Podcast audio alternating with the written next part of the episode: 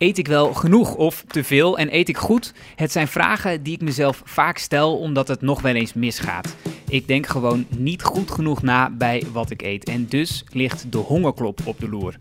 Iedereen die fietst kent dat. Dat lege gevoel, het is angstaanjagend, maar hoe voorkom je het? En wat kun je het beste eten? In deze veertiende aflevering van de Fietspodcast gaan we het daarover hebben, over eten dus. Met twee mensen die samen het brein vormen achter het dieet van Tom Dumoulin en Primoz Roglic. Hun eten wordt afgewogen tot op de rijstkorrel nauw nauwkeurig. Dus als twee mensen me kunnen vertellen welke brandstof erin moet, dan zijn het wel Karin Lambrechtse en Martijn Redegeld, voedingsdeskundigen van Jumbo-Visma.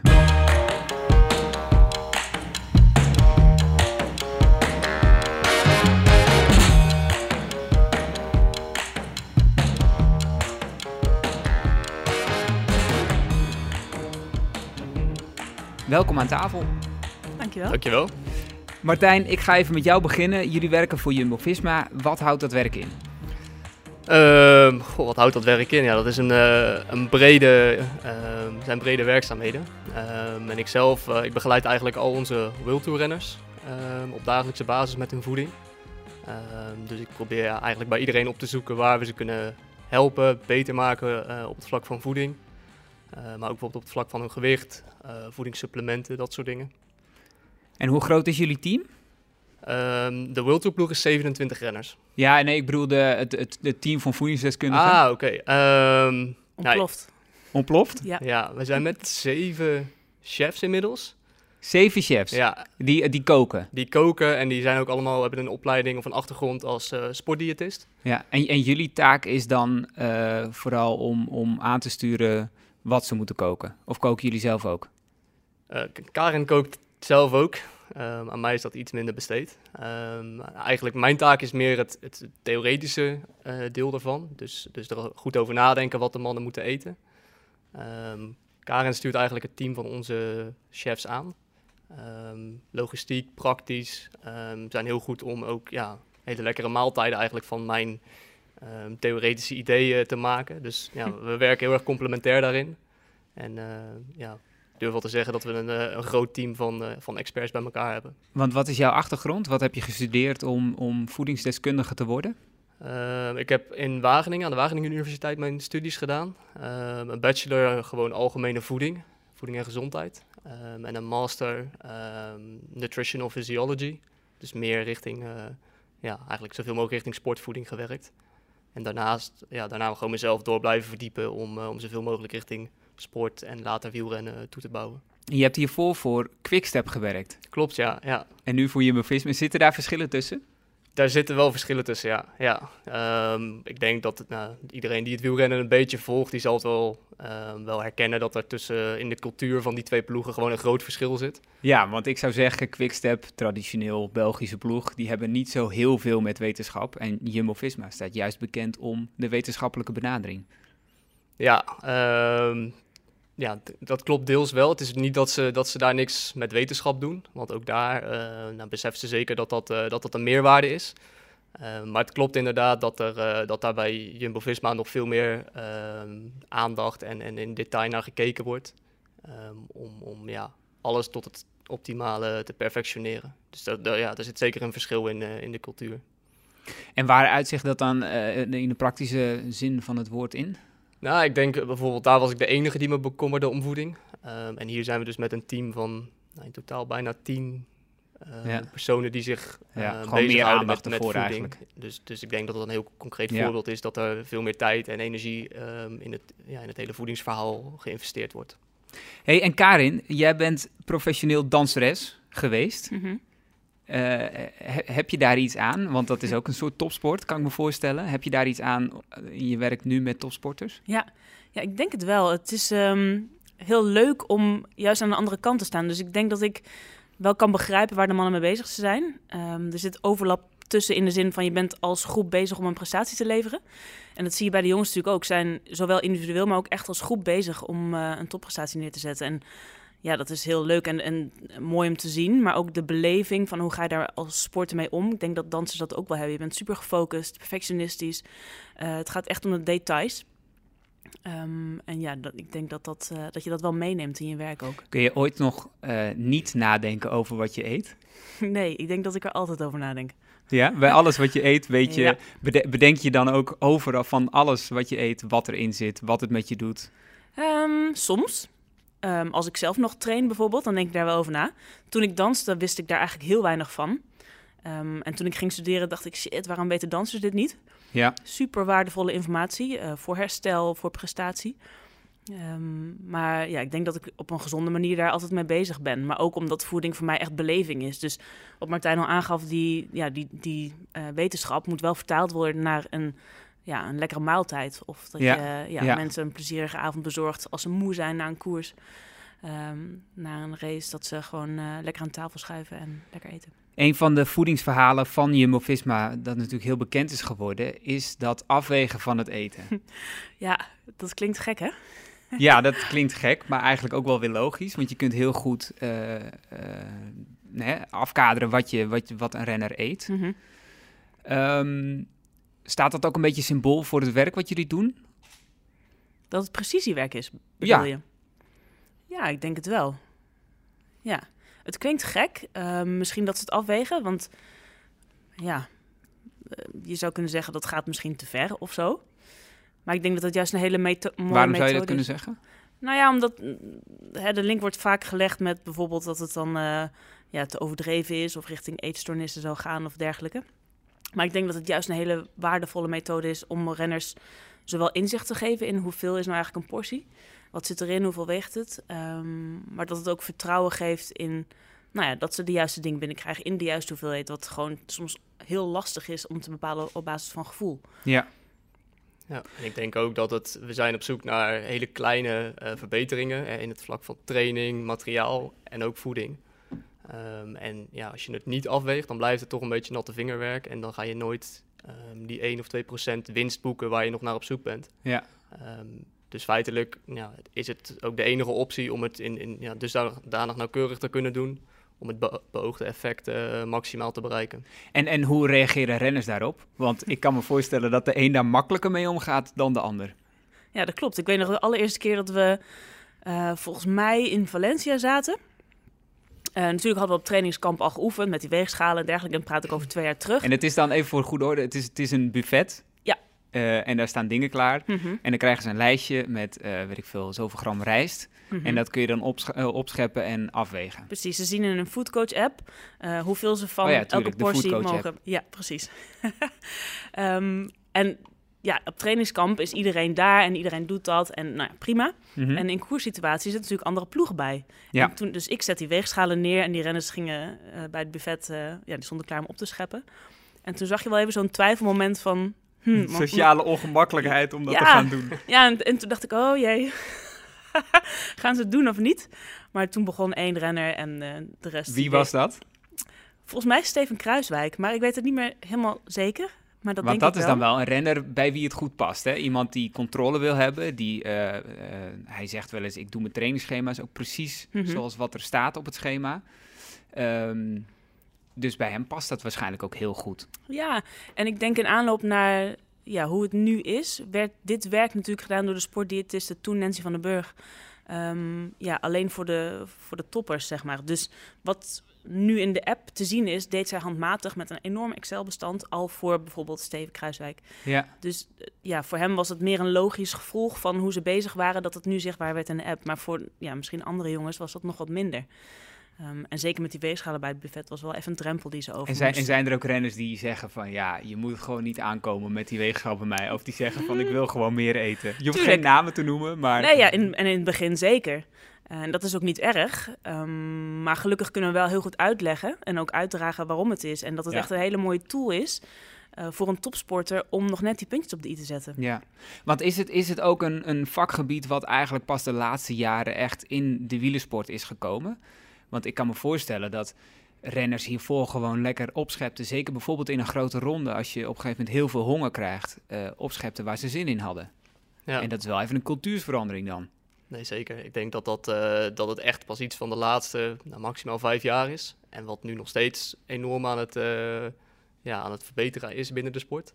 Eh, maar iedereen zal de verhalen kennen van nou, nog niet heel lang geleden dat renners bij het ontbijt een dikke biefstuk naar binnen zaten. Ja. te- De, de mooie verhalen inderdaad. ja, en dan hoe Zou er zwaarder ook niet aan moeten denken, maar goed.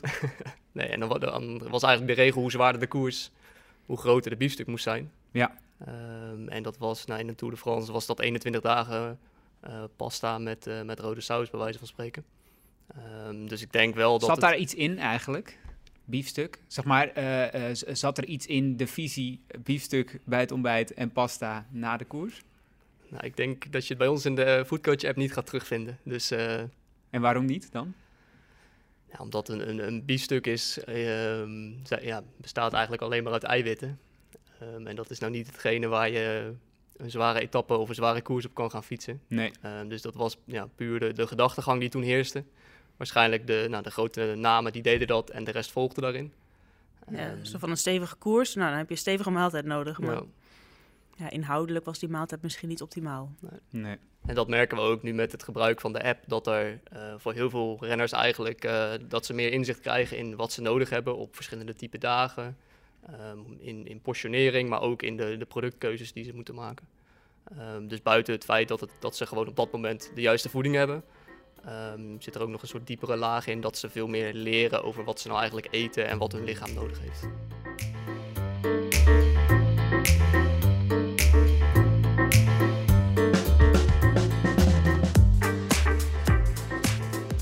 Wat we in deze podcast gaan doen, of wat ik graag wil doen, is eh, eh, een paar praktische tips Mhm. voor de wielrenner thuis. Ehm, en dat kunnen we volgens mij het makkelijkst opdelen in drie fases: voor, tijdens en na het fietsen. Dus daar wil ik het met jullie over hebben. In deze podcast gaan we ook nog even luisteren naar Leon van Bon. Die test elke maand een fiets voor fiets. Eh, en we hebben een blokje Shimano. Ehm, laten we beginnen met voor het fietsen. Ehm, wat kun je nou laat ik het zo zeggen, wanneer begint de voorbereiding? Stel, eh, ik ga 100 kilometer fietsen op zaterdag. Wanneer begint de voorbereiding of wanneer kan ik het beste beginnen met eh, mijn voorbereiding op het gebied van voeding voor zo'n rit? Poeh, dan zou je eigenlijk nog een vierde laag moeten toevoegen. En dat is eigenlijk je basis. Dus het is leuk als je misschien voor, tijdens en na het juiste eet, maar als je basis eigenlijk niet compleet is, volwaardig. Ja. En wat, Ehm, wat is mijn, eh, gewoon, gewoon wat ik dagelijks Ja, eet? precies. Ja, je, je, je dagelijkse voeding. Dat zou eigenlijk op orde moeten zijn. En als dat zo is, dan kan je echt bouwen aan ehm, nou ja, trainingsspecifieke. Nou, laten we dan beginnen met die basis. Waar, waar, waar kan ik op letten in die basis? ehm, gezond, volwaardig. Nou zijn dat natuurlijk vaak ook een beetje vage eh, dingen, maar ja, klinkt, denk aan klinkt vrij algemeen ja, inderdaad. ja, precies. Eet je groente, eet je fruit. Ehm, maar goed, dat is wel inderdaad wat die basis vormt. Dus dat je gewoon gezond bent, fit bent. Ja. volkoren gaan producten, veel eh, variatie, veel kleur. Ehm, ja, niet te veel, niet te weinig. Dat dat gewoon op orde is. Dat je goed water drinkt in plaats van allerlei frisdranken. En, ja. En natuurlijk, eh, eh, kijk, voor een profrenner is dat misschien, nou, die is daar denk ik ook heel erg mee bezig. Maar eh, dat je niet meer eet dan wat je verbrandt. Mhm, Dat Ja. is natuurlijk ook een, een, een eeuwige struggle. klopt. Ja, Zeker. die energiebalans is super belangrijk. En hoe hou je zoiets in de gaten? Zonder dat je eh, net zo getikt wordt als een ronde renner, dat hij elke dag zijn, zijn eh, calorieën telt. Nou, Ik denk voor de mensen thuis is een hele makkelijke tool om gewoon iedere week eens op de weegschaal te gaan staan. En ja, als je ziet dat dat over langere termijn ongeveer het- hetzelfde blijft, Ja. dan weet je dat je ook gemiddeld genomen ehm, in energiebalans bent. En natuurlijk kan daar van dag tot dag een, een verschil in zitten, Ehm, maar dat is niet zo relevant. Dus het is echt belangrijk om gewoon dat op langere termijn in het oog te houden. Nou, wat veel mensen nu bijvoorbeeld in de corona ervaren met de bekende coronakilo's, is dat dat langzaam oploopt. Ja, Ja, en dan is dat dus een teken dat je inname wat hoger is. maar we hebben nu toch ook allemaal meer tijd om te sporten. zou je zeggen. Zou je zeggen. Oké, eh, dus de basis is goed. Dan gaan we eigenlijk, hè, de- de- dan, dan bereid ik me voor op zo'n rit eh, in, in het weekend. Dat doe ik met een paar vrienden die net iets te hard fietsen eigenlijk. Dus ik wil zorgen dat ik op mijn allerbest ben. Ja. Eh, wanneer moet ik dan daar rekening mee gaan houden? Ik zou zeggen de dag daarvoor al. En het hangt ook een beetje af van de rit. Ga je, nou is dat in Nederland best wel lastig, maar allerlei bergen op. Ja. Maar stel je zit met je vrienden ergens in Spanje, ehm, dan heb je daar misschien ook nog rekening mee te houden. Ehm, maar ik zou zeggen de dag daarvoor. Dus dat je bijvoorbeeld eh, wat meer focust op koolhydraten. Omdat koolhydraten ervoor zorgen dat je spieren vol energie zitten. Dus spierglycogeen heet dat ook wel. En dat kun je dan mooi gebruiken tijdens het fietsen de dag daarna al. Dat moet je even uitleggen, want eh, dat zijn je glycogeenvoorraden, geloof ik. Mhm, ja, En, klopt. en wat doet dat en hoe werkt dat? Ehm, dat is ja, de energieopslag in je spieren. En op het moment dat je gaat bewegen, gebruiken die spieren die energie die daar opgeslagen eh, ligt. Maar dat kan ongeveer voor 60 tot 90 minuten kun je ermee vooruit. Dus het is belangrijk om ook tijdens het eten, maar goed, dan ga ik wel een beetje naar tijdens of tijdens het fietsen, om dat aan te vullen. Ja, Eh, maar het hangt er ook vanaf welk tempo fiets je, eh, hoe hoog is je hartslag. Is best wel veel dingen om eh ja, mee rekening en eh, ehm, eh, je hoort wel eens iets over koolhydraten stapelen. Bes- bestaat er zoiets? Is, is dat koolhydraten stapelen gewoon het, het voorbereiden van je, van je glycogeenvoorraden? Dat, dat, zo, Ja, dat je precies. energievoorraden zo goed mogelijk zijn eigenlijk? Ik denk dat je dat zo kunt zien. En, en, en hoe vul ik die dan maximaal aan? Kan ik echt, als ik, als ik vrijdag zeg maar de hele dag pasta ga eten, ga eten, drie keer op een dag, heeft dat effect? Of, of is het genoeg om, om s'avonds er een beetje aan te denken? Ja, je, je zou het de hele dag daarvoor kunnen doen. Er zijn verschillende methodes om het te doen. Maar het verschilt ook ehm, ja, in hoeverre je al goed getraind bent bijvoorbeeld. Ehm, iedereen heeft een bepaalde hoeveelheid die erop kan slaan, maximaal. Dat kun je wel een beetje ophogen naarmate je beter wordt en meer traint. Ehm, ja. En het ontbijt? Het ontbijt op de ochtend van de inspanning, dat is Ja. denk ik de, uiteindelijk de belangrijkste maaltijd om echt goed van start te gaan. Wat er eigenlijk gebeurt is, wat, wat Karin uitlegt, dat je de, de avond op voorhand je, ehm, je spierglycogeen goed kunt vullen. Ja. Ehm, S'nachts raakt dat ook niet meer leeg. Dus dat blijft gewoon goed gevuld. Ehm, Dus als je bijvoorbeeld ook een, een hè, je zegt 60 tot 90 minuten. Als je een uurtje gaat, eh, gaat hardlopen of gaat, eh, gaat fietsen, Mhm. dan hoef je eigenlijk niet eens heel veel te eten, want dat kan je lichaam nog prima aan. Je Ja, spieren zijn er al klaar voor. ja, vaak denken mensen dat ze van alles nodig hebben, maar dat valt in de praktijk vaak wel mee. Ehm, dus gewoon door te zorgen dat je van tevoren, de avond van tevoren, goed je koolhydraten eet. Eh, misschien iets minder eh, rauwe groentes en dergelijke. En Ja. dan een goed ontbijt. Ehm, dan kun je zeker een uur, anderhalf uur prima uit de voeten. Trouwens, waar, waar ik nu ineens aan moet denken, is dat eh, een, paar jaar geleden, ik, ik weet niet eens meer hoe lang het geleden is, misschien wel tien jaar geleden, ehm, had de ploeg, volgens mij waren jullie er toen nog niet bij betrokken, eh, eh, gingen ze allemaal koolhydraatarm trainen. Klopt, ja. Ja. ja. Dat is een tijdje is dat, eh, een, een hype geweest. Niet alleen bij ons in de ploeg, maar Bij meerdere. ja. Dus dan ga je eigenlijk gewoon trainen met een hongerklop, of, of in ieder geval met, met heel weinig eh, brandstof in je lichaam. Eh, is, dat, is dat uiteindelijk dan aangetoond dat dat goed is? Ja, je, je lijf, ehm, het mooie van ons lichaam is dat het op verschillende brandstoffen kan eh, functioneren. Dus door middel van verschillende ja, voedingsstrategieën toe te passen, leer je ook je lichaam dat effectief toe te passen. Dus te Ja. schakelen tussen koolhydraten, vetten. Ehm, en dat zou je kunnen doen door middel van bijvoorbeeld trainen op eh, ja, een lege maag, of in dit geval een lege spierglycogeen. Dus het is, het is bewezen dat het effect kan hebben, maar wel als het een onderdeel is van een, een totaal eh, trainings- en voedingsplan eigenlijk. Ja. Ehm, en En hoe moet, dat- hoe moet ik dat plan dan zien? Want het, volgens mij ging het, eh, werd het toen iets te overdreven. Ja. Dat weet ik niet zeker meer. Maar Ja, je wordt er ook niet heel blij van. ik weet, ja, nou, ik weet inderdaad nog een interview met Bram Tankik die, die daar helemaal niet blij mee was. Wat is dit? Ja. Die kwam, die kwam gewoon niet meer vooruit ook. Ja, nee, klopt inderdaad. Je kan, dan- als je dat eh, te veel of te extreem doet, dan, dan, doe je eigenlijk afbreuk aan je lichaam. En dan, Ja. eh, nou, dan maak je weer veel meer kapot dan dat je lief is. Ja. Ehm, dus als je dat, nou, hoe, we, hoe we het eigenlijk op het huidige, in de huidige situatie soms nog eens doen, is echt kijken, nou, nou, bij wie is het nodig? Wie heeft daar baat bij? En wie Eh, zou dat kunnen zijn dan? Ja, dat hangt er vanaf. Eh, in principe kan iedereen dat zijn, maar dat, dat kan... ehm, Ja, het type, het type renner. Want, Meest, ja, meestal zijn het de klimmers, de, de mannen die echt een, een lange duuruithouding nodig hebben. Ja. Dus een Dylan Groenewegen ze zullen we dat nooit zien doen. Maar Steven Kruiswijk bijvoorbeeld, die heeft daar meer baat bij.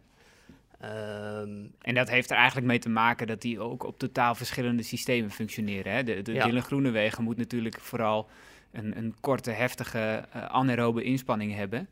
En, en Kruiswijk moet het de hele dag vol kunnen houden. ja, nee, klopt inderdaad. En als, als Dylan dat zou gaan doen, die trainingsvorm, dan, ehm, ja, dan gaat hij inboeten aan zijn explosiviteit en, en ja, de zaken die voor hem belangrijk zijn. Dus allereerst ja, kijken we naar dit type renner. ehm, en dan vervolgens ga je kijken van nou, waar in het trainingsschema kunnen we die trainingen inplannen. Ehm, we willen dat niet te vaak doen, omdat die trainingsvorm, nou, wat je al aangeeft, eh, heel belastend is. Ehm, en ook, nou, iedereen zal het herkennen, als je bij wijze van spreken zonder een ontbijt gaat fietsen, Ja. ja, dan hou je nooit dezelfde trainingskwaliteit als wanneer je wel goed ontbeten had. En Dus- hoe lang moet je dan eh, gaan trainen zonder dat je dus een bodem hebt? Om, om er effect van te hebben, want het duurt wel even voordat je in, eh, in, in dat systeem zit, toch? Nou, dat hangt er vanaf. Je kunt het eigenlijk dus, als je je voeding er goed op inricht. ehm, dus wel, ja, een, een- de meest gebruikte trainingsvorm is eigenlijk dat je twee keer op een dag gaat trainen. Waarbij je de eerste training gewoon normaal doet. Eh, of, of tenminste, normaal ontbijt bijvoorbeeld. Dan gaat trainen. Tijdens de training enkel water drinkt. Dus eigenlijk in de Ja. eerste training jezelf leeg rijdt. Ja. Ehm, en dan een, een lunch. En neem daar heb je dus twee uurtjes voor nodig of zo? Twee, drie uurtjes maximaal, ja. ja, Dan lunch je zonder eh, koolhydraten. Ehm, en dan doe je smiddags nog een sessie van een uur of twee uur. Eh, veel langer moet dat echt niet zijn en dat gaat echt al heel zwaar aanvoelen. Ook als je dat op, nou, aan, een, aan een intensiteit doet die normaal misschien heel gemakkelijk voelt. Ja. Ehm, ja, geloof me, dan kom je gesloopt thuis. En zeker naar de mannen die, dat, die daar nog niet zoveel ervaring mee hebben. Ja, die, die willen ons soms wel eens burgen dat we, dat we Dus dan een- na zo'n training geven. zitten jullie app, eh, appjes vol met, eh, Ja, dan kunnen we beter, berichten eh, van renners. Ja, dan kunnen we ons beter even niet bij het buffet laten zien. Nou ja, voor mensen die dat ooit willen proberen, twee keer op een dag trainen. Volgens mij waren we gebleven bij het ontbijt. Klopt, ja. het ontbijt.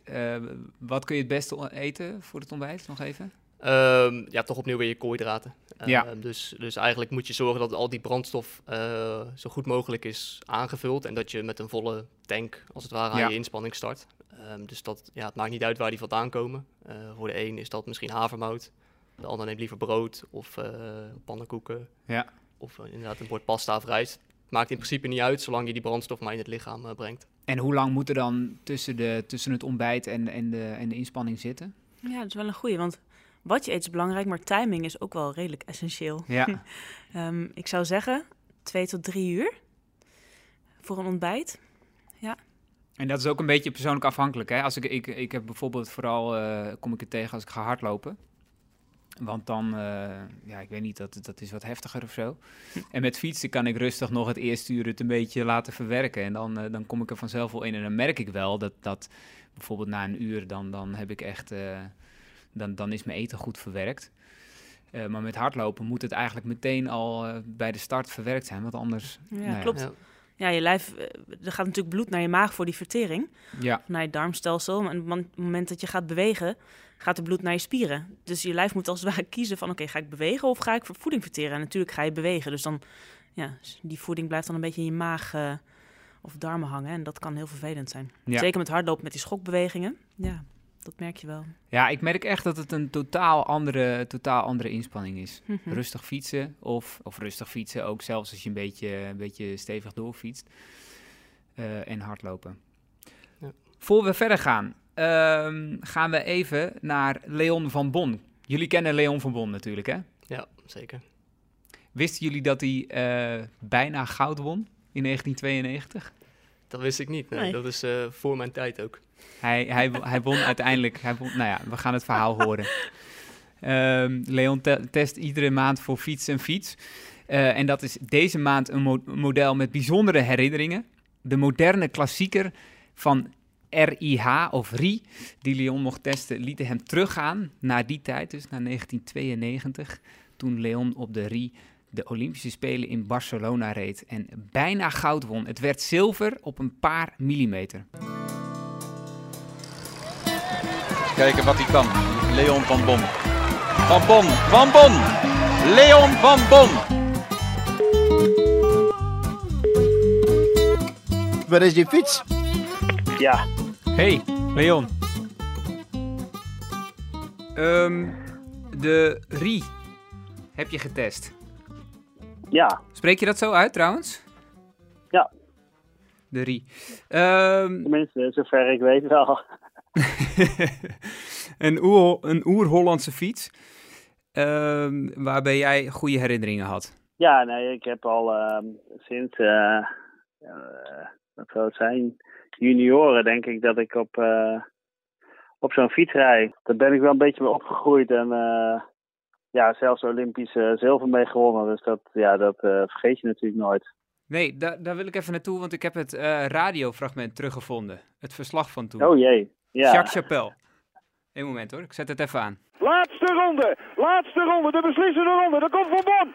Van Bon gaat helemaal buitenom. Van Bon pakt punten. Hij pakt twee punten. En dat betekent, als ik het goed gezien heb, dat hij wereldkampioen, of ja, wereldkampioen, dat hij olympisch kampioen is. Jawel, jawel, Van Bon, we hebben goud. Haha, Leon Van Bon, olympisch kampioen.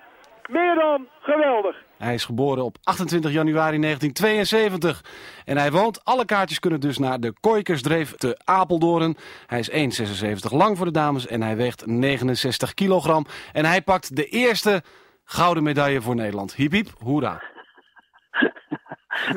ja, dus niet. Nee, en, eh, maar Ja. eerst even, eh, hij is 1,76 lang voor de dames. Prachtig toch? Ja, ja, ja ook mooi. En- mooi. En hoeveel kaarten heb je gekregen? Ja, geen idee. Ik vind het wel bijzonder dat ze zo je adres op de radio Ja. zeggen. Ja. Dat, eh, dit hoor ik al echt voor het aller, allereerst. Heb je dit nog nooit gehoord, dit eh, verslag? Nee, dat heb ik nog nooit gehoord, nee. nee. Maar ehm, je dacht het zelf toch ook dat je had gewonnen? Eh, ja. ja, ik dacht zelf ook. ik, ehm, die laatste sprint reed bovenlangs en er was geen ruimte onderlangs. En eh, ik wist waar, eh, waar Lombardi zat. En die kon geen eh, punten pakken eigenlijk. Dat deed hij wel door middel van on- ongeoorloofd onderdoor passeren. Maar toch kreeg hij punten ervoor. Dus dat, dat was wel jammer, zeg maar. Ja, dus je bent eigenlijk nog geflikt ook. Ja, op verschillende punten zelfs die rit. Maar dat gaat misschien te ver in, het, in detail. Nou, ik heb het verhaal gelezen dat, eh, dat hij achteraf zei van eh, de rijkste heeft gewonnen. Ja, ja, er was een combine, eh, er was een combine wat hij had geregeld tijdens de koers. Nou ja, dat, dat kenden we zeker van toen, toen de tijd nog wel. En, ehm, en ja, de, de jury maakte eigenlijk een grove fout eigenlijk in de, in de laatste sprint. Waardoor hij punten krijgt die hij eigenlijk niet hoort te krijgen. Ja. Dus dat was eigenlijk dubbelop. En die combine was een, een of andere Australiër die jou eh, een, paar keer terug heeft gereden en ook nog de, de sprint aantrok eigenlijk. Ja, en het was, eh, hij moest ook al uit koers en reed toen door. En, eh, en hij heeft daarna nooit meer voor de Au- Australische selectie mogen rijden, omdat die zo beschaamd waren voor, voor zijn actie. Dus dat was Oh, wel die hebben hem echt eigenlijk geschorst. Ja, ja, ja. ja. Jeetje. Wat een verhaal. Niet, eh, het was niet zo ondoorzichtig dat eh, iedereen eraan twijfelde dat het zo was. Nee, het was wel vrij duidelijk, zeg maar. Hey, en, en dan nu heeft Rie een nieuwe fiets. Dat was op een Rie, even voor de duidelijkheid. En nu mocht je een, een, een Rie eh, testen, een modern klassieke fiets. Ja, ja en ze bestaan nog steeds. Ze hebben wel een paar horten en stoten gehad om te overleven. Maar eh, ze zijn nog steeds eh, levend. En eh, ik vind het hartstikke leuk. En volgend jaar bestaan ze 100 jaar en hebben ze een, een speciale fiets daarvoor ontwikkeld. En ik mocht daar nummer 1 van testen van de 100. Dus dat, dat op zich was dat al speciaal. En ja, dat, de- ja, leuke her- herkennismaking, zeg maar. Ik was een tijdje uit de oog verloren, maar eh, ja, het was leuk, leuk om weer terug te zien. Ja, en je was erg positief over hoe die fietst. Nou ja, je mocht, eh, mocht zelf, eh, zelf de geometrie en zo eh, heb ik eh, mogen kiezen. En dat, dat ging fantastisch. Dat reed, reed als een speer. Het viel mij heel erg mee, moet ik zeggen. Hey, en die Rie uit eh, 1992, die heb je ook nog, toch? Die heb ik ook nog, ja.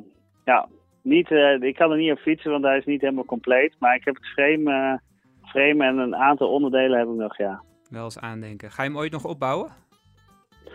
Eh, dat is wel de bedoeling, maar voorlopig eh, staat hij ergens in een hoekje eh, stof te vangen. ja, Nou, als hij er nog maar is. En volgende maand, welke fiets ga je dan testen? dat is volgende maand is dan die nu erin staat. Ja. Nee, want nu staat die... Nu staat er erin. Oké, ja, dan is de trek, volgens mij.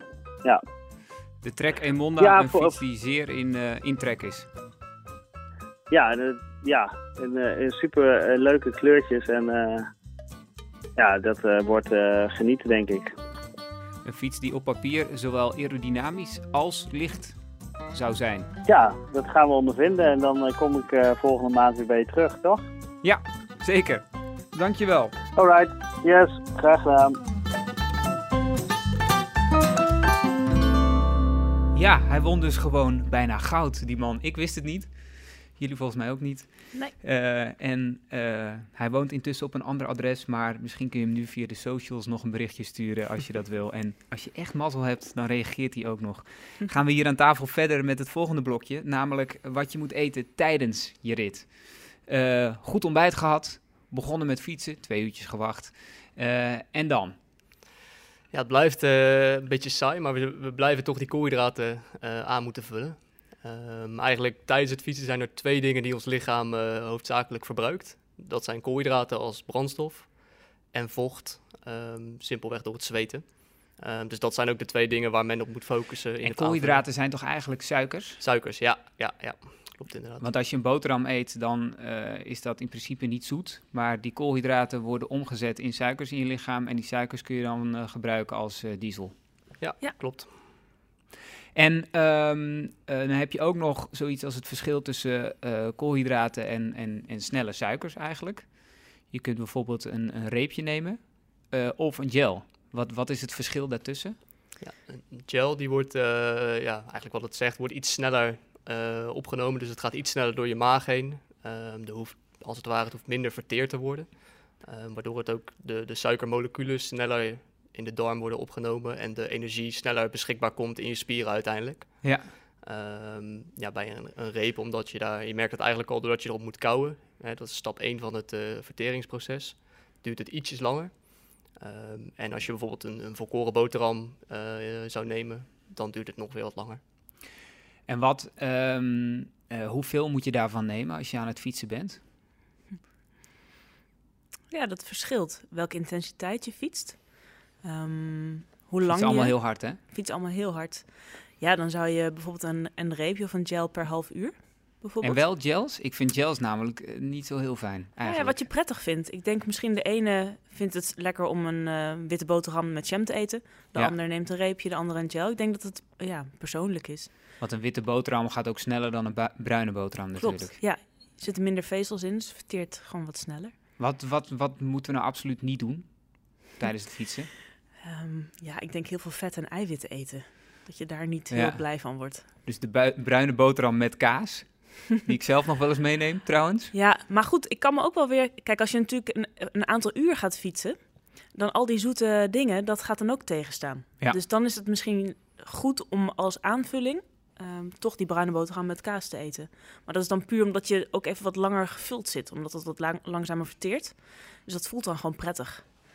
En bijvoorbeeld, hè, als, als je nou een, een, een renner in de Tour neemt, wat, wat altijd een, een mooi voorbeeld is. eh, eh, hoe zorgt zo iemand ervoor, met welke producten zorgt zo iemand ervoor dat hij toch fatsoenlijk eet? Genoeg binnenkrijgt. Ja, dat is mooi. Dan hebben we eigenlijk alle voeding die wij maken, ik en de chefs, ehm, is alles behalve wat ze op de fiets eten. en daar, dat doen de soigneurs. En ja, dat zijn eh, inderdaad allerlei producten. Die zitten of in hun bevoorradingstasje, de muzet. Maar repen, gels, eh platsen, rijstebroodjes, ehm, Ja. puddingbroodjes. En heb je, heb je, zijn er ook renners met hele gekke gewoonten of hele gekke voorkeuren? Ik denk de, de meest bijzondere bij ons is misschien Tony, Tony Martin. Ja. Ehm, nou, niet dat het nou heel gek is, maar die, eh, waar eigenlijk de meeste gewoon een mix van nou, sportdrank, een reepje, een gelletje nemen. Ja. Eh, is dat bij Tony, is, die drinkt alleen maar water en die heeft één nou, specifieke reep die eigenlijk niemand anders lekker vindt, omdat dat een hele harde, kleffe reep is. Ja. En daar eet hij er gerust, als hij eh, op kop van het peloton aan het brommeren is, eet hij er gerust eh, 10 of 12 op een dag eh, van weg. Ja. Dus ja, dat is wel eh, eigenaardig, maar... Maar hij, eet dus, hij drinkt dus ook alleen maar water. ja, Niet, ja. niet eh, geen spul erin. Nee. Nee. En eigenlijk is dat een mooi voorbeeld van ehm, ja, dat het dus afhankelijk van je persoonlijke voorkeur ehm, dat je kan kiezen wat je neemt. Ja. Ehm, je lichaam herkent niet of de, de suikermolecuul die uiteindelijk in je darmen op wordt genomen, of die nou komt van een reep of van een gel of van een bruine boterham. Ehm, het gaat erom dat die su- suikermolecuul uiteindelijk wordt opgenomen. Ehm, En het is eigenlijk ook niet zo dat hij zijn voeding zou kunnen verbeteren. eh, ondanks dat hij maar één reep neemt. Nee, het, het gaat er uiteindelijk om hoeveel dat je neemt. Ehm, en als je eh, aan de juiste hoeveelheid, eh, nou, we, we bekijken dat per uur eigenlijk, per uur eh, koers of training. Mhm. Ehm, en als je maar de juiste hoeveelheid per uur neemt, dan maakt het in principe niet zo heel veel uit of je dat nou uit een drank of uit een gel of uit een reep haalt. Ja. Ehm, alleen voor heel veel is het gewoon lastig om de juiste hoeveelheid eh, enkel uit repen te halen. Dus vandaar dat ze een combinatie van dingen pakken om het gemakkelijker op te nemen. En dan heb je natuurlijk die, die, die gels en die repen en die boterhammen, wat je gewoon als vastvoedsel eet. En eh, eh, je hebt ook je bidon. Ja. Wat, wat zit daarin? Wat, wat, wat kun je daarin doen? Nou, eigenlijk, ehm, ja, meestal zit daar een, eh, een isotone sportdrank in. Eh, wat eigenlijk wil zeggen ehm, dat daar met name weer koolhydraten in zitten. Dus in, een, in één bidon van 500 milliliter zitten net zoveel koolhydraten als in een reep of in een gel. Ehm, daarnaast zit daar een klein beetje zout in. ehm, Ja. Waarvan de, het merendeel is eigenlijk gewoon keukenzout.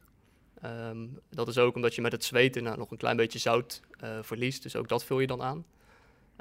En gewoon water. Dus eigenlijk eh, ja, is, het, is het vrij simpel, maar wel effectief. Ja.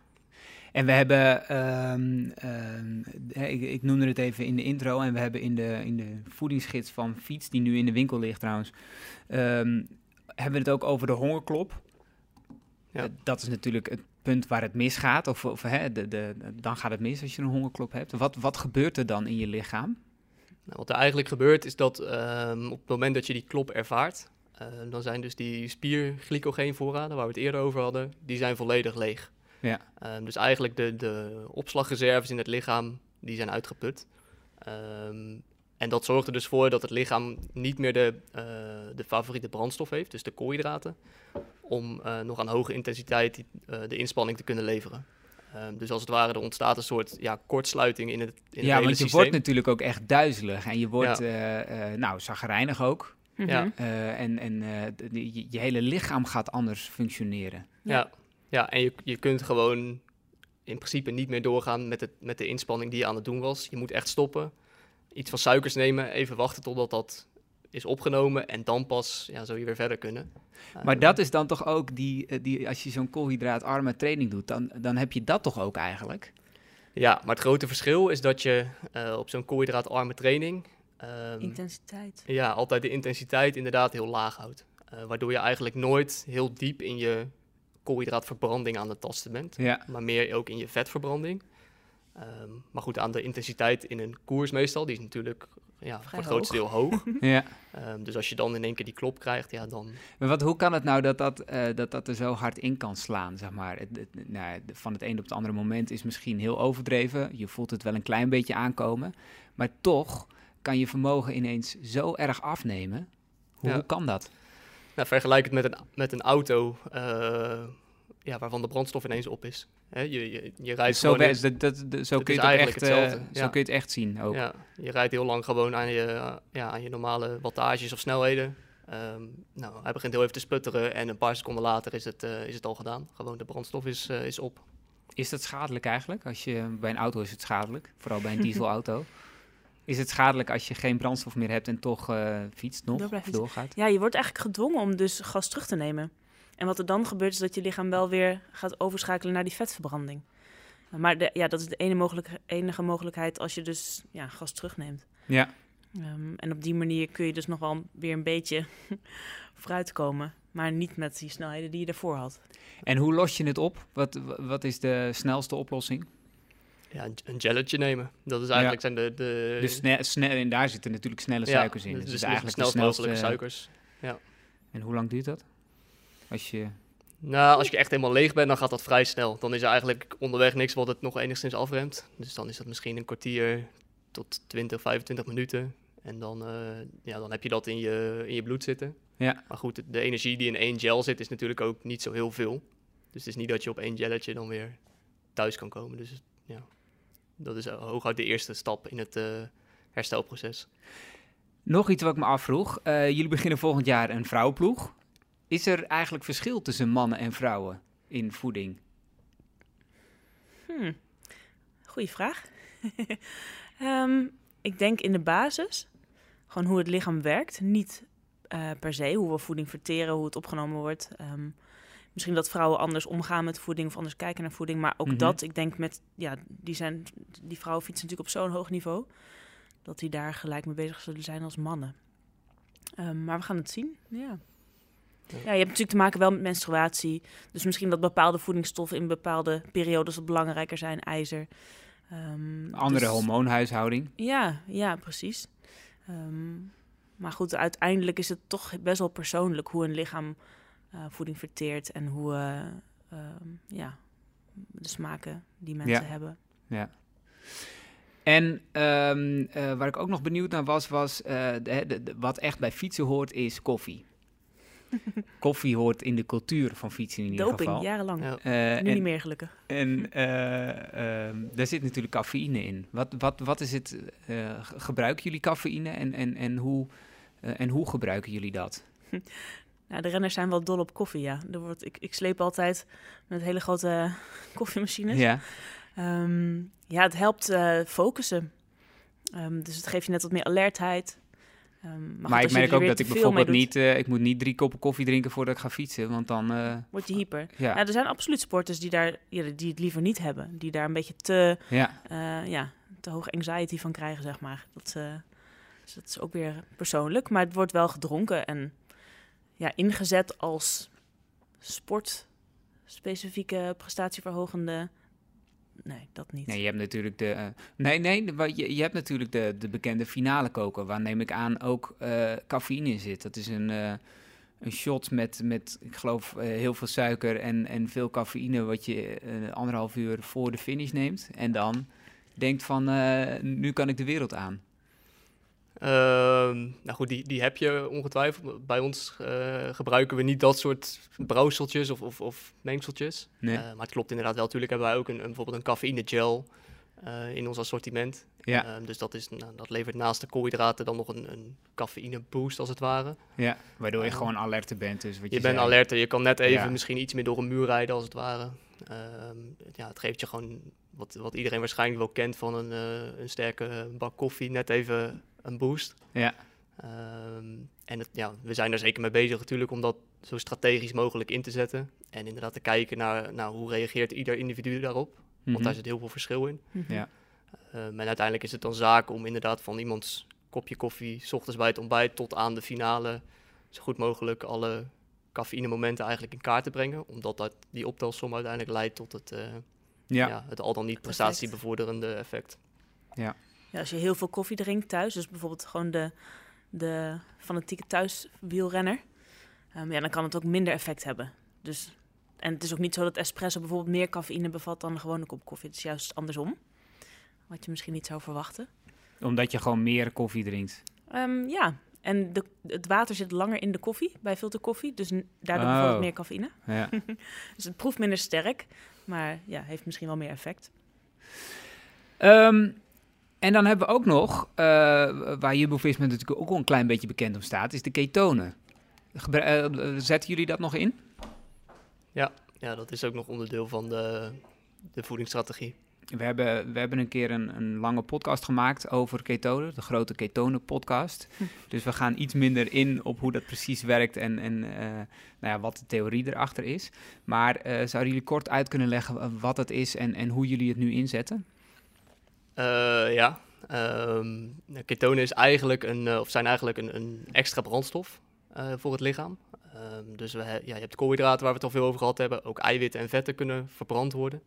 Ehm, en Dat ketonen, zijn, dat zijn de drie dingen, de, de drie traditionele brandstoffen Ja. waar je lichaam op kunt, kan functioneren. Ja, exact, ja. En ketonen is eigenlijk nog een vierde brandstof daarbij. Je lichaam gaat die ook zelf produceren. Nou, eigenlijk in het bekende voorbeeld, wat, wat veel mensen doen, is een, een ketogeen dieet. Eh, waarbij je eigenlijk het lichaam volledig gaat uithongeren of geen, heel lang geen koolhydraten gaat nemen. Dan gaat je lichaam op een gegeven moment zelf die ketonen aanmaken. Nou, de ketonen waar nou, de eh, laatste eh, één of twee jaar zoveel om te doen is, dat is eigenlijk hetzelfde, alleen dan zit het gewoon in een flesje. Ehm, nou, er is op dit moment nog, wordt er nog heel veel onderzoek gedaan naar het exacte effect. Ehm, en ja, vooral omdat het zo'n nieuw, nieuw product is. Maar jullie zetten het toch al in, Ja, al een zeker. tijdje ook. Zeker, ja. ja. Dus jullie zien ook positieve resultaten, neem ik dan aan. Ja, Anders ja, anders er zouden we het niet zijn, inzetten. toch? Nee, dat is eigenlijk met, met alle ehm, nou, dingen die we doen en ook alle supplementen die we gebruiken. Ehm, we doen dat alleen als we nou, weten dat het veilig is en weten dat het ook ons verder helpt. En, en wat zijn die positieve resultaten dan van, van ketonen? Ja, dat wisselt een beetje. Het, het, het wetenschappelijk onderzoek spreekt elkaar soms wel tegen. Eh, en er zijn ook nog heel veel dingen ehm, niet onderzocht. Ehm, maar dat is, ja, er worden ehm, effecten gesuggereerd in herstel, eh, dus dat het lichaam beter herstelt. Er worden ook effecten gesuggereerd in meer in, in acute prestatie. Ja. Ja, dus het is een beetje ja, wikken en wegen en ook je eigen ervaringen daarin gebruiken, hoe dat je het precies inzet. Ehm, en ik denk, nou, wat betreft de ketonen, dat daar nog ehm, veel winst te behalen valt. Dus de manier van gebruik. Ja, Ehm, omdat daar gewoon nog niet bekend, genoeg over bekend is. ja, omdat er gewoon weinig over bekend is. Het is een relatief nieuw product, dus er moet nog veel, eh, ja, veel onderzoek naar gebeuren. Dat, dat duurt gewoon lang. En wat is de ervaring van renners? Ja, wisselend ook. Er zijn ja, bij ons veel renners die, die zich daar, of die daar wel iets van voelen of merken, denken ze. Ehm, maar het is zeker niet zo dat, zoals het eh nou, veelal in de media is, en zoals je ook aangeeft, nou, we hebben een grote ketonen-podcast wondermelen. gehad. Ja, Ja, zo, zo ja maar dat was vooral om te duiden wat, wat, wat er over bekend Ja, is. Hè? precies. Maar eigenlijk de, de aandacht die het overal krijgt, ehm, dat is het absoluut niet waard. Een is- van de best beluisterde afleveringen trouwens. Ja, maar Ja. dat is direct, ja. Ja, Ja. Nee, het is eigenlijk, het is gewoon net als ehm, ja, andere, net als bijvoorbeeld een, een hersteldrank die je na afloop van de inspanning neemt, ja, net zoiets. Het helpt misschien een heel klein beetje, ehm, maar het effect, het is niet Ja. dat je zo'n flesje drinkt en je ineens eh, Superman voelt en alles, eh, alles kan. Vinden jullie dat eigenlijk lastig? Dat, dat eh, de wielersport ligt op dit gebied natuurlijk ook altijd onder een vergrootglas. Ik had het over die finale koken en dan zie ik jullie al een beetje zo kijken van wat bedoelt hij nou?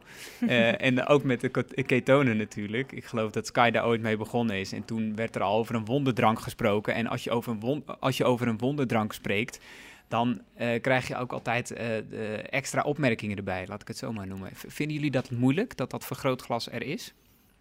Hmm. Eigenlijk niet per se. Ik snap wel dat hij er is. Ehm, maar ik denk dat het aan ons ook de taak is om gewoon eh, ja, heel bewust en, en goed daarmee om te gaan. Dat we weten wat we de renners geven, dat we ons daar bewust van zijn. En ook wat Martijn al zegt, niet zomaar eh, allerlei nieuwe wondermiddelen gaan toepassen. Maar dat we echt gaan kijken van oké, wat is het, wat doet het, Eh, waar bestaat het uit? Ehm, wat zijn al de dingen die erover bekend zijn? En Mhm. dan ja, strategisch toepassen.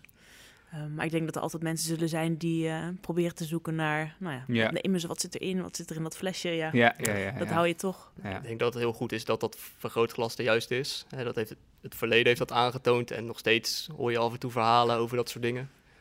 Ehm, dus ik denk dat het heel goed is en ik ben heel blij dat we vanuit de ploeg ook gewoon ja, heel erg open daarover kunnen zijn. Ehm, wat we wel en niet doen. Ehm, ja, maar het is wel aan, aan Karen en mij en aan onze collega's bij andere ploegen om eh, renners ervoor te behoeden dat ze inderdaad nou, bijvoorbeeld van de ketonen denken dat dat het verschil maakt tussen een Tour de France winnen of een Tour de France verliezen. Want dat is het verschil niet. Dat is zeker het verschil niet, nee. nee het is gewoon een van de vele dingen die, je- die we doen om zo goed mogelijk te zijn. Ehm, maar het is zeker niet daaraan toe te schrijven. We gaan even naar een eh, woordje van onze sponsor. Dat is Shimano. En lieve Bisschop liet me het topmodel van hun schoenen zien. Hij gaf me meteen een tip voor het dragen van overschoenen. We gaan over naar België. Mijn naam is Lieven Bisschop. Ik ben country manager voor Shimano België. We staan buiten aan het gebouw van Shimano België. Shimano België zit hier al sinds 1991. Goed, laten we naar binnen gaan. Dus- Kijk, dat vinden we interessant. Voilà. Dus dit is de, het model S-Fire. Eh, dus dat is exact hetzelfde model waar eh, Mathieu mee fietst. Alleen het enige verschil is, bij hem is het een customized versie. Met volgens mij een paar eh, logo's op van het, het computergame Fortnite. Eh, je hebt een heel strak oppervlak waarmee dat je op de lange rechte stukken maximaal kracht kan ontwikkelen. Maar je hebt ook ideale grip op de zool en je kan er makkelijk mee lopen in het zand.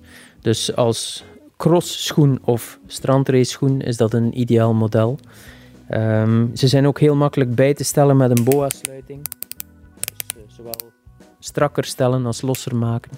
En als we dan, eh, dit is het topmodel, zitten daar nog modellen onder?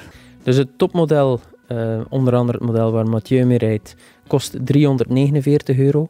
Een recreatief model dat eh, haalbaar is voor de algemene fietser in België en Nederland zit op 119 euro. En ook voor die 119 euro krijg je, pr- krijg je prima waar voor je geld. Het regent vaak natuurlijk. Wat kun je doen om je, om je voeten te beschermen, om niet eh doorweekte voeten te krijgen? En dan raden wij aan om een overschoen te gebruiken die ook past bij het gebruik. Als je wedstrijd rijdt, heb je van nature al ga meer lichaamstemperatuur ontwikkelen omdat je continu eh, zware inspanning levert. En dan zou ik eerder kiezen voor een lichte overschoen eh, van een, paar millimeter neopreen. Eh neopreen is, heeft als goede kwaliteit dat dat zeer goed isolerend is, net zoals een duikerspak of een triathlonpak. En er ontstaat eigenlijk een laagje water tussen de huid en het oppervlak van de schoen.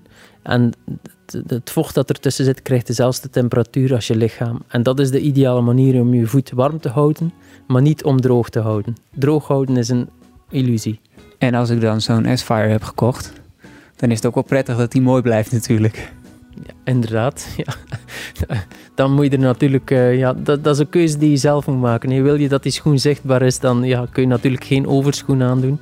Maar ehm, inderdaad, als je een overschoen aan hebt, dan zal hij langer schoon blijven. En als je de eh, overschoen uittrekt, ziet hij er als nieuw uit.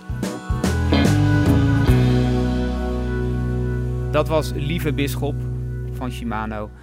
Ehm, we gaan door naar eh, het laatste kopje. Het herstel of wat je moet eten of wat je kunt eten na het fietsen. Ehm, als je thuis komt, hè, waar moet je dan op letten of waar kun je op letten? We hebben het net natuurlijk heel veel over koolhydraten gehad. Dus yes, nu komen de eiwitten. Ja. Ehm, die zijn met name belangrijk voor herstel.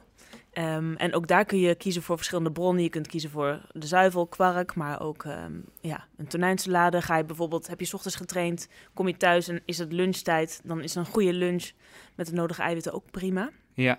Ehm, maar, ja, met name eiwitten en vocht. Ook heel belangrijk om dat goed aan te vullen. En waarom is dat belangrijk? Ja, je hebt natuurlijk ehm, veel gezweet. Ehm, en het is vaak lastig om voldoende te drinken. Of de meeste mensen drinken juist te weinig. Ja. Dus het is goed om dat aan te vullen. Maar wat gebeurt er in je lichaam als je dat niet doet? Ja, een vochttekort. Dan word je minder gefocust. Dus je verliest eh, focus. En ook de, ja, de stoffen kunnen minder goed in je lichaam worden afgevoerd. Afvalstoffen. Ehm, je raakt oververhit misschien. Dus je kunt minder goed zweten. Wat, waardoor je ook weer minder goed kunt presteren. Ja. Ja, dus, eh, en, en eigenlijk is dus na het fietsen alles gericht op, eh, eh, op herstellen. Aanvullen, ja. Zodat je zoveel mogelijk hebt aan je training die je hebt gedaan. Wij Ja. noemen het ook gewoon lekker Ja, en vlak misschien ook niet helemaal de koolhydraten uit. Die moet je natuurlijk ook wel weer na training ook aanvullen. Maar met name belangrijk, Ja. En het speelt natuurlijk ook mee wat je, wat je een dag later gaat doen. Eh, want als je een dag niks gaat doen, dan heb je misschien wat minder nodig... als wanneer je een, de volgende dag eenzelfde soort inspanning gaat doen... of weer een zware inspanning gaat doen. ja, maar dat zit misschien nog niet met, na de, nadat je getraind hebt. Ik denk dat dat moment heel belangrijk is voor je herstel.